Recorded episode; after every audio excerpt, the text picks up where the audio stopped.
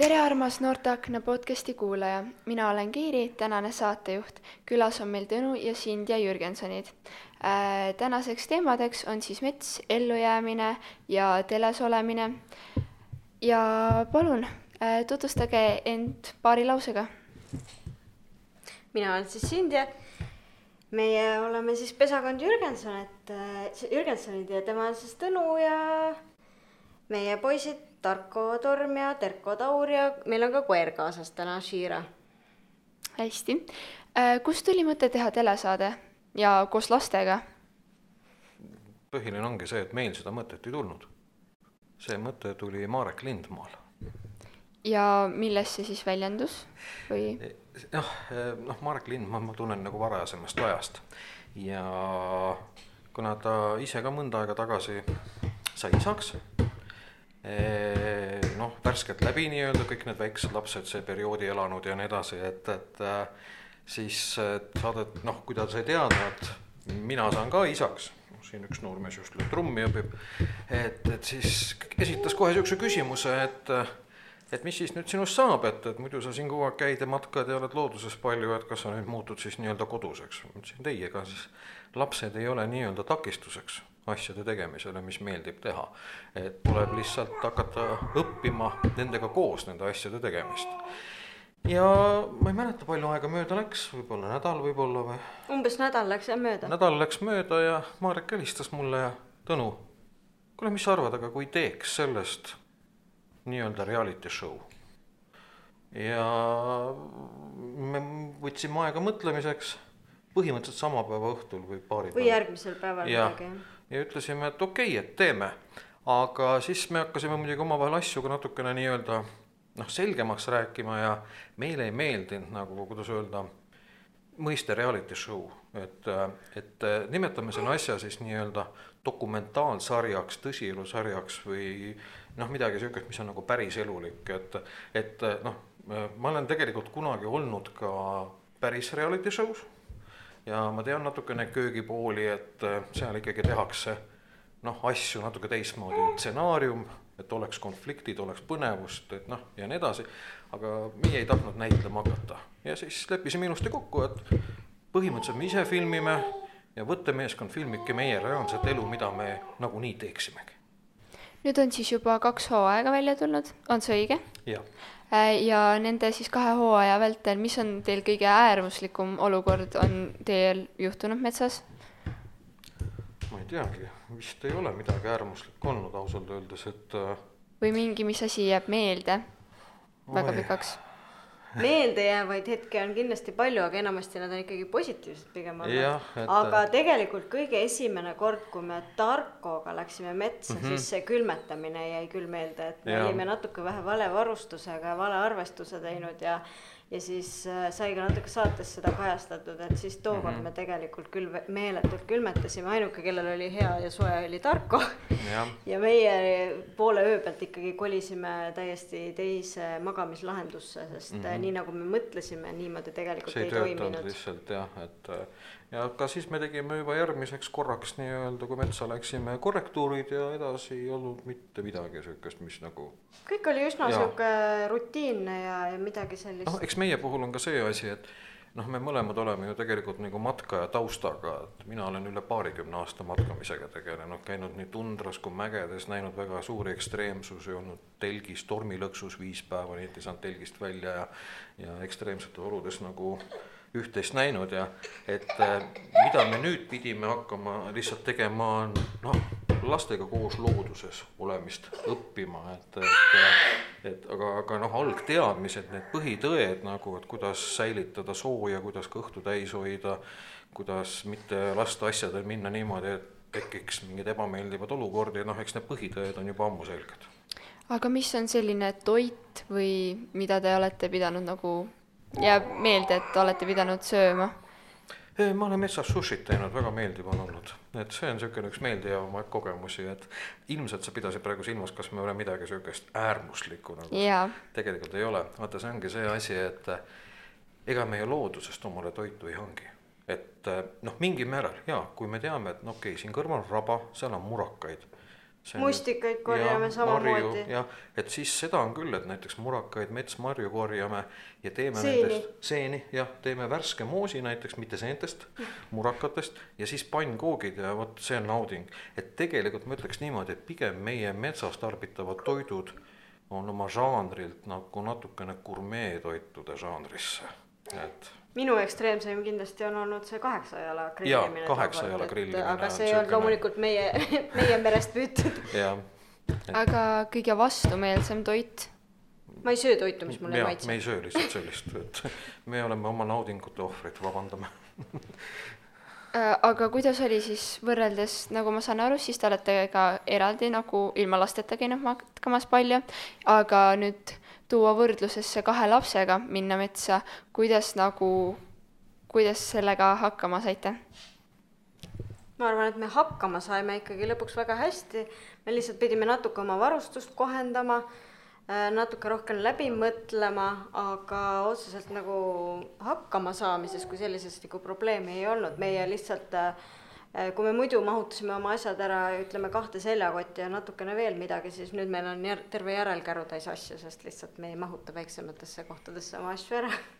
jah, ja ütleme, et selles mõttes selline matkamise iseloom stiililiselt on muutunud, et kui minule vanasti meeldis võtta seljakotti, pakkida näiteks kuni kümne päeva kõik eluks vajalik ja minna ja teha üks rännak kümme päeva järjest, siis täna ma ei saa seda teha, et, et ma pean perega olema, aga ma saan teha niimoodi, et äh, me paneme oma laagri ülesse, sätime kõik valmis ja võtame näiteks lihtsalt pisikesed seljakotid kaasa, kus on väike näks, jook ja nii edasi ja teeme siis kas mingi mõnetunnise või terve päeva kestva mingi radiaali kuskil looduses ja jõuame siis kokkuleppelisel ajal umbes, mis me planeerime tagasi oma laagrisse aga kui nüüd peaksite valima, siis kumba te eelistaksite rohkem, kas nagu talvel sellist matkamist või siis suvel metsas viibimist?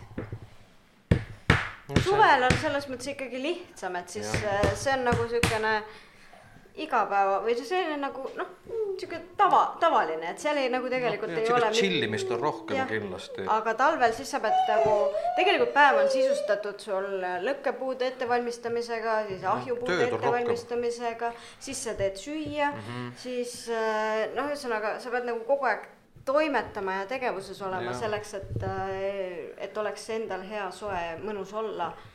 no talve võib-olla suuremad plussid on see, et äh, putukaid ei ole? putukaid ei ole ja putukatega teinekord võitlemine on raskem, raskem kui näiteks külmaga. nii et, et ja, ja talvel sa võid ükstapuha millist toiduainet kaasa võtta. suvel ei ole mõeldav, et lähme näiteks äh, mitmeks päevaks metsa, meil on jogurdid ja kohukesed kaasas, noh, see kõik läheb riknema, et äh,. sügisel tal... ja kevadel on tegelikult kõige parem teha sellise asja, et siis ei lähe jäässe ka. just, et, et, et noh, igal aastaajal on omad eelised, omad plussid ja kui on olemas nagu kõigi tingimuste jaoks vajalik varustus, riided, magamiskotid, telgid, noh siis tegelikult ei ole probleemi okei okay., aga kui te nüüd peaksite võrdlema oma praegust eluviisi ja siis oma lapsepõlveunistusi, milles erinevad, kas need erinevad? Mm, see on sinule küsimus, ma tean, kelleks sa lapsena tahtsid saada noh, see oli selline pigem tööalane unistus, aga aga see ilmselgelt mul kunagi ei täitu ja see oli niisugune uitmõte, ma tahtsin kunagi kosmonaudiks saada. aga aga muus osas, ega ma lapsena kunagi ei mõelnud, et ma kunagi hakkan elama kuskil nagu lastega metsas, et äh, see ei ole mul unistusena mitte kunagi olnud, see on kuidagi välja kasvanud äh, minu elust ja elustiilist ja kuidas see nagu kujunenud on, et see, see on nagu jah, elu jooksul tulnud ja ma enda kohta ka ütleks niimoodi, et ega mul, oi jumal, mingit sihukest kindlat unistust ei olnud, et kelleks nagu tahaks elus saada või midagi sihukest, et, et kuidagi ma olen lasknud voolul ennast vedada ja, ja vaadata, mis saab ja, ja olukordadega lihtsalt kohaneda ja, ja, ja noh, olen tegelenud nii-öelda oma mõtete realiseerimisega lihtsalt ja, ja praegu tundub, et siiamaani on hästi välja tulnud, et, et olen rahul. kas te veetsite ka lapsepõlves või nooremas eas siis palju aega metsas viibisite? minu vanemad olid sellised, kes jah, mis sa nüüd räägid siin. minu vanemad olid sellised, kes armastasid nii-öelda suviti käia autoga telkimas kuskil veekogude ääres, aga noh, ikkagi niimoodi, et sõideti, sõideti kodust ka kaugemale. ja, ja vanaema armastas, vanaema armastas metsas jalutamas käia.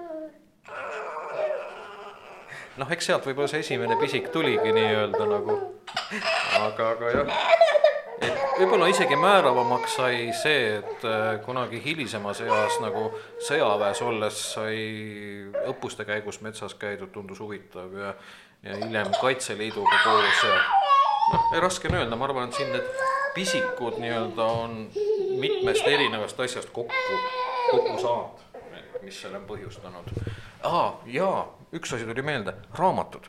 et ma juba lapsena tegelikult lugesin mõned siuksed huvitavad raamatud, mis rääkisid mingitest polaarekspeditsioonidest ja sellistest asjadest ja, ja mulle juba lapsena olid sellised nimed nagu Nansen ja Amundsen ja need nagu tuttavad ja Scott ja, ja, ja mulle tundus, et vot need on põnevad ja, ja kui mõni raamat kirjeldas nii-öelda tundramaastikku, siis ma juba lapsena teadsin seda, mina tahan tundrat näha et ma tahan näha, mis tunne see on, kui ma vaatan selja taha ja ma näen, et eile ma telkisin seal, üleeile ma telkisin seal, et ma tahtsin nagu juba lapsena seda suursugusust tühjust oma silmaga ära näha. okei okay,, jaa äh,. aga väljaspool metsa, mis tööd te, te siis teete? No mina töötan äh, meditsiinivaldkonnas, et äh, olen peamiselt siis äh, seotud äh, kodukontori tööga minu tavapäraste tööülesannetega, et selles mõttes sihuke täiesti harilik töö ei ole midagi teistsugust. Ja, ja mina, kuidas nüüd öelda, olen andragoog ehk siis täiskasvanute koolitaja ja ma teen selliseid kursuseid, kus ma õpetan inimesi nii-öelda hakkama saama. on need hakkamasaamised siis kriisides või looduses, et puudutab see kas või matkamist või midagi sellist hästi palju aastaid, kusjuures ma olen tegelenud nii-öelda noorsootööga, seikluskasvatusega ja hooajati ma käin viljapuid ilusaks lõikamas. Okei okay., kas nende koolituste ja nendega on võimalik ka huvilistel liituda? jaa, loomulikult, et, et ega see teistmoodi need asjad ei käigi, et peab tekkima üks grupp, kes tunnevad huvi siis saabki läbi rääkida, et mis nende huvi on mida nad täpsemalt tahaksid teada, kas neid huvitab see, et näiteks kas kriisiolukorras, kuidas oma korteris ellu jääda või näiteks, kuidas kolm päeva metsas ellu jääda hakkama saada. Ja kus selle kohta rohkem infot leiab? tegelikult sellega ongi niisugune asi, et äh, tulebki lihtsalt mind üles otsida ja ma teen nii-öelda personaalse pakkumise konkreetsele huvirühmale. okei okay. äh,, aga tulevikuplaanis, kas teil on mingeid huvisid, mida te tahaksite proovida ja veel ei ole jõudnud? Noh, lennutame su kosmosesse siis või, teeme uue sarja, see Jürgensoni kosmoses või väikelastega. kosmosesse just mitte, aga väikelastega reisima tahaks küll minna kuskile Eestist välja. no tegelikult tahaks jah, ausalt öeldes üks sihuke unistus on küll, et kuna meid mõlemad paelub just see Põhjamaa loodus, et siis tahaks nagu kogu perega, poistega võtta ikka sellise niisuguse automatka ette, mis me ei tea, kuna me tagasi tuleme stiilis et, et noh, määramata aeg läheks ja, ja, ja ei teeks nii täpset plaani, et võib-olla täna sõidame kümme kilomeetrit, võib-olla homme sõidame sada kilomeetrit, siis kui jääme paigale, siis otsustame, kas ööbime ühe öö või ööbime nädal aega ja ja, ja et oleks niisugune hästi improvisatsioonirännak mm. -hmm aga kas tavaliselt te nagu rohkem planeerite oma matkasi või tuleb nii, kuidas tuleb? tavaliselt me ikkagi vaatame ära, kuhu me läheme ja, ja meil on enam-vähem mingi ajaaken, et kas me läheme kaheks päevaks või me läheme kaheks nädalaks, et see on mm -hmm. meil mhm. nagu paika pandud, aga aga kuidas see täpselt kujuneb, see tuleb ikkagi nagu pikema aja et, nagu jooksul, kui noh, me lähme juba rohkem kui kahe, nagu üheks nädalavahetuseks, siis see võib me läheme ühe plaaniga, aga lõpuks võib kujuneda väga vahel jah, elu teeb omad korrektuurid ja mulle ei meeldi üleplaneerimine, see võtab sellise seikluse maitse asjalt ära. okei okay aga kas on oodata ka tulevikus eh, edaspidisi ka hooaegasi? oodata, oodata, loomulikult ootama peab, aga selles mõttes, et, et see ei ole meie otsustada, et äh, ütleme, et sarja meiega ikkagi tegi teleproduktsioonifirma ja teleproduktsioonifirma käest tellis siis TV3 selle, et äh, meie reitingud olid ülihead me isegi olime vist Eesti ütleb superstaari reitingu poolest üle ja, ja kes on kuulnud, on kursis, me olime siis äh, ka EFTA nominandid. jah, et, et see on nagu suur niisugune tunnustus. ja ütleme, et eks meile ääri-veeri on vihje antud, et võib-olla tuleb üks, võib-olla kaks hooaega veel. aga veidikene formaat hakkab muutuma. aga ma ei hakka sellest rohkem pajatama, sest me ei tea kindlalt mitte midagi ja väike üllatusmoment peab inimestel ka jääma, et nii et palun kuulajad, närveerige nüüd natukene, olge ärevuses ja et noh, las teil olla veidike põnev oodata okei okay,, hästi.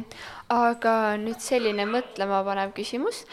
kui te peaksite minema siis äh, üheks kuuks üksikule saarele äh, ja te saate võtta kaasa siis kolm asja, et üks kuu elus püsida, äh, mida te kaasa võtaksite? ma küsin kohe, kas sa mõtled, et näiteks mina või Sindja peaks üksinda minema või meie perena koos? terve perekond. kas me siis terve perena saame kaasa võtta kolm asja või kuus asja kuus asja või, või neli korda või kaksteist asja, et äh, ma tekitan segadust. või siis teeme nii, et äh, nagu üks inimene saab kolm asja võtta, kui te läheksite üksinda. okei okay., no vasta sina. no üks asi kindlasti, mille ma kaasa võtan, on nuga, teine on äh, tulepulk, aga kolmas asi see on natuke lahtine, aga suure tõenäosusega ma arvan, et ma võtaks magamiskoti kaasa. aga see oleneb ka sellest, kuhu ma sellele saarele minema pean, kas see on mingi Eesti saar, mis aastaaeg on või see on mingisugune eh, see eksootiline soojamaa saar, jah, troopiline saar, et see veidi sõltub ka sellest, see kolmas asi. et eh, noh, ütleme, et siin samamoodi, et eh, noh, mina suudan tule saada ka ilma tulesüütamisvahenditeta üles, et teda tehnikaid ma valdan, aga tulepulgaga on see mugavam ja kiirem. noast ei ole pääsu, et see on niisugune elementaarsem ellujäämis, ellujäämis nii-öelda instrument, aga vot nüüd see kolmas asi, et noh, ühtpidi tõesti, kui me oleme kuskil Põhjamaa kliimas, siis siis ma võib-olla valiksin magamiskoti, see teeb mõnes mõttes mu elu lihtsamaks, aga kui ma oleksin troopilises vööndis kuskil, siis tõenäoliselt mingit kalapüügivahendi võtaks kaasa niimoodi toidu hankimiseks, et et noh, jah, et ma oskan teha linnuluust ka õnge, õngekonksu, millega kala püüda, aga noh, see on pusimine kõik. ehk siis kogemusi teil on? mõningal määral, ma arvan, et üle statistilise keskmise natukene mm. -hmm. Äh, aga kas te olete terve elu elanud siis maakohas või linna ääres või?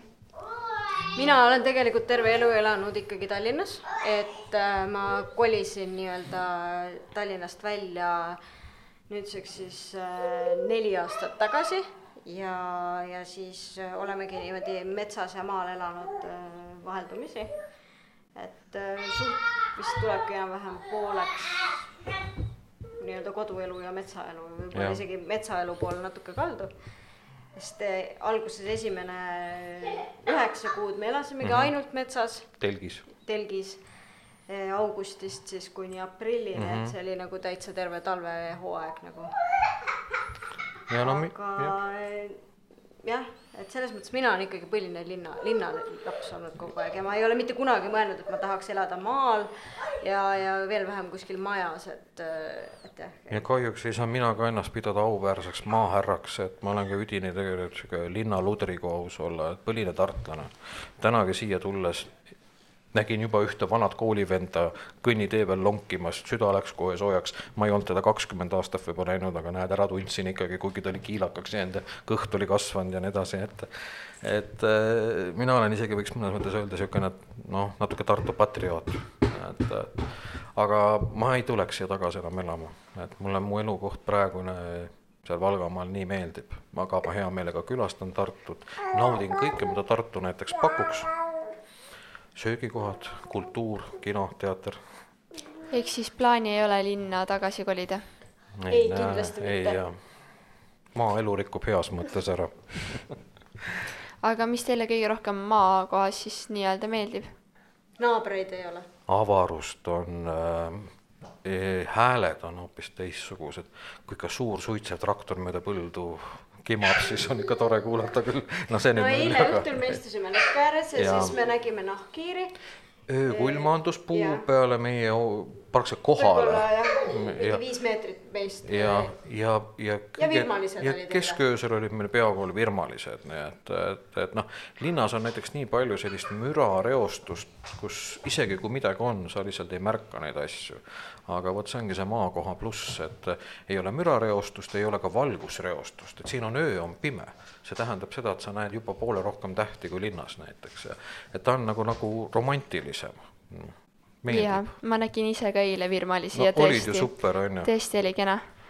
et äh, tegelikult oli ka ilusti näha ka ja ei olnud tänavavalgustust mm -hmm. nii mhm. palju just nimelt, just nimelt jah, ja meie kant on üldse niisugune virmaliste rohke, et natuke rohkem kui kümme aastat tagasi eh, meie lähedal Soontagal, mis ta meist siis on, see Soontaga looduskaitseala üksteist, kolmteist kilomeetrit umbes, ma nägin kõige grandioossemat virmaliste mängu, mida ma üldse elus olen näinud, vaatamata sellele, et ma olen kümneid, kümneid kordi Lapimaal käinud.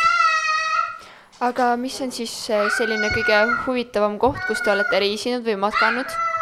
nagu koos või äh,? kuidas soovite vastata? noh, mina olen hästi palju käinud Põhjalas, et, et ma kaksteist aastat korraldasin tundrasse matkasid ja need olid sellised matkad, kus inimestel oligi nädal kuni kaks seljakott seljas ja kõik eluks vajalik oli kaasas, ikka niisugused korralikud rasked matkad järjestikuste jõgede ületamisega, nii et, et ma olen päris paljudes, ütleme niimoodi, et eh, no isegi National Geographicu poolt tunnustatud maailma kaunimates rahvusparkides käinud.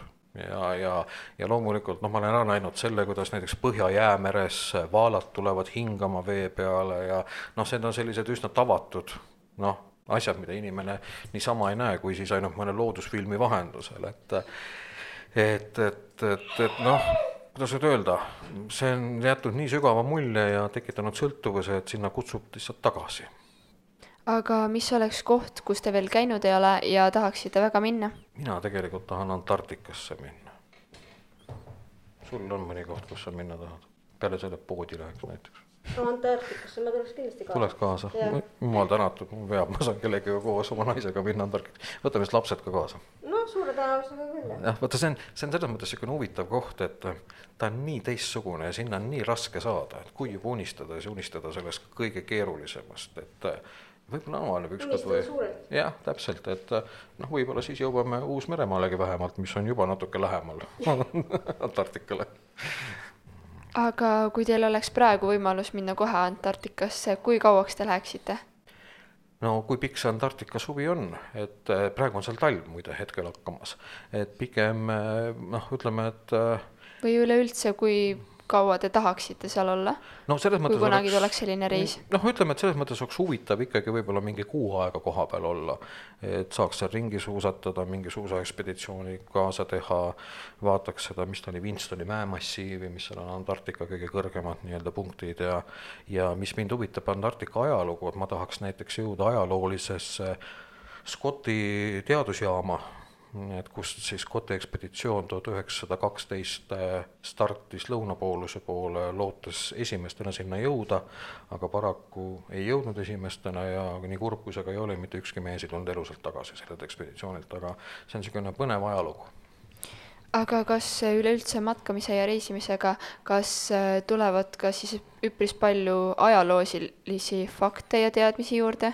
Jaa, kindlasti, sellepärast et noh, kõik need rännakud ikkagi viivad mööda mingitest kohtadest, mis on äh, seotud mingite ajalooliste sündmustega ja näiteks oma reisidel Põhjalassegi ma olen sattunud väga põnevatesse kohtadesse, näiteks äh, näiteks sõjaajaloo puudutavatesse muuseumitesse, mis on äh, siis Soome idapiiri ääres nagu ja, ja mis temaatika on siis nagu talvesõda ja jätkusõda ja ma ei teadnudki, et niisuguseid kohti üldse ongi ja ja siis äh, saamide muuseumisse, mis on väga huvitavad, mis äh, räägivad saamide nagu näitavad saami kultuuri kui sellist ja, ja, ja täitsa juhuslikult sattusin kunagi suisa nagu muuseumkülasse, niisugune konserveeritud küla, nii nagu saamid on aastasadu elanud ja, ja see on nagu ütleme, põnevad juhuslikud leiud olnud ja, ja loomulikult siis sa loed kõik, mis sa sealt nagu infotahvlite pealt kokku suudad nagu infot saada, loed läbi, jätad meelde, pildistad üles ja, ja ja mõnikord mõnigi asi on nii-öelda õhutanud mingit asja edasi otsima, nagu uurima kindlasti on ka huvitav, ma arvan, uusi kultuure teada saada ja mingeid rahvustoite proovida. oo oh jaa, vot need on, vot mina olen, kuidas öelda, ma olen niisugune kulinaarne katsetaja, mulle kohe meeldib, olgu või rõve, aga ma pean ära proovima ma tahan oma silmaringi laiendada. sind on jälle vastupidi hästi konservatiivne selle koha pealt, et. ja ma söön ikka ainult siukseid asju, mida ma tean, mis on ja, ja üldiselt ma pean teadma ka, kuidas see maitseb. et väga harva, kui ma midagi imelikku suhu panen. Aga kas kokate ise ka terve perega äh, kodus tihti? noh, sellega on asi paigas, et meil, meil ainult äh, üks kokkab, see ei ole mina no arvake ise nüüd siis. aga mis on teie selline nagu peretoit siis, mida kõik peres söövad ja kõigile meeldib ja alati võib teha?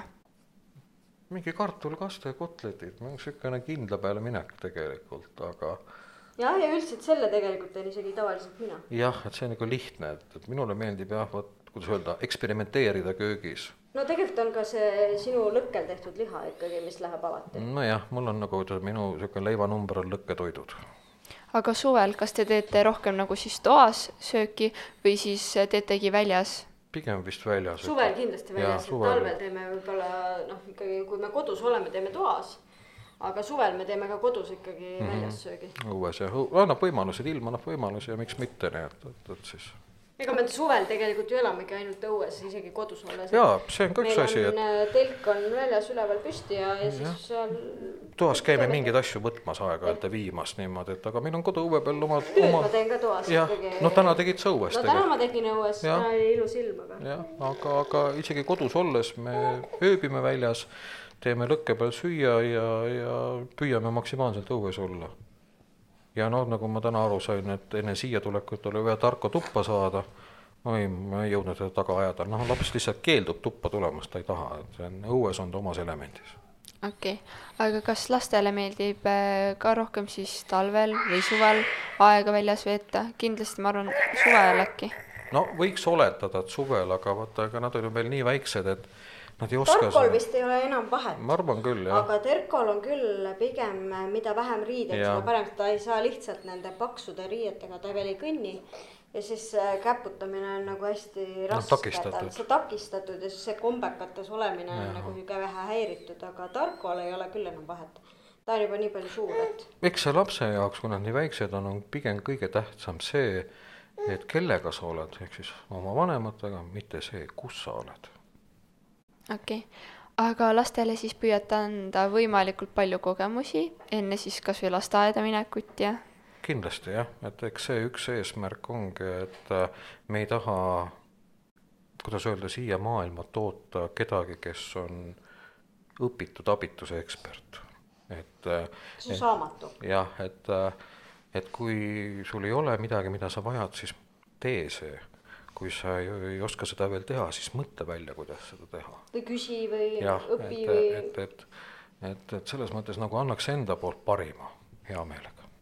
okei okay., kas teil on äh, endal midagi veel lisada? kas meil on midagi lisada? teagi ei oska midagi niimoodi ei oska. tore mingi..., tore oli, et kutsusite ja siukene vahva kogemus. äkki mingi tarkus mida võiks jagada? ja äh, sööge köögivilju, need on kasulikud ja ärge toppige pähkleid ninna aga mis tarkusi te olete metsas viibides, näiteks selle telesaatega seoses õppinud? oi, vaata noh, ega selles mõttes nagu hm, mis me õppinud oleme, no kuna see telesaade on pikka aega kajastanud seda perioodi, kus me nagu lastega metsas olime, siis no see ongi olnud üks suur õppimise protsess. me oleme õppinud nii-öelda nagu teatava väikse tiimina koostööd tegema. meeskonnatöö. ja see on niisugune nagu, et kui vanasti ikkagi tuli eeskätt iseendaga arvestada, siis nüüd tuleb arvestada mitte mõistega mina, vaid ainult mõistega meie. et enam minat ei eksisteeri, see on nagu surnud, et nüüd oleme meie. et, et kõike, kõiki asju tuleb nii-öelda äh, vaadata pilguga meie. okei okay., jaa, aga aitäh tulemast ja, ja aitäh podcasti äh, kuulajale ja aitäh, et leidsite aega siia tulla. ja ma loodan te, et teil läheb hästi ja teile edu. ja sina, hea kuulaja, mine follow Instagramis Noorteakna lehekülge ja seal saab siis vaadata ka järgmisi tegevusi ja järgmise kohtumiseni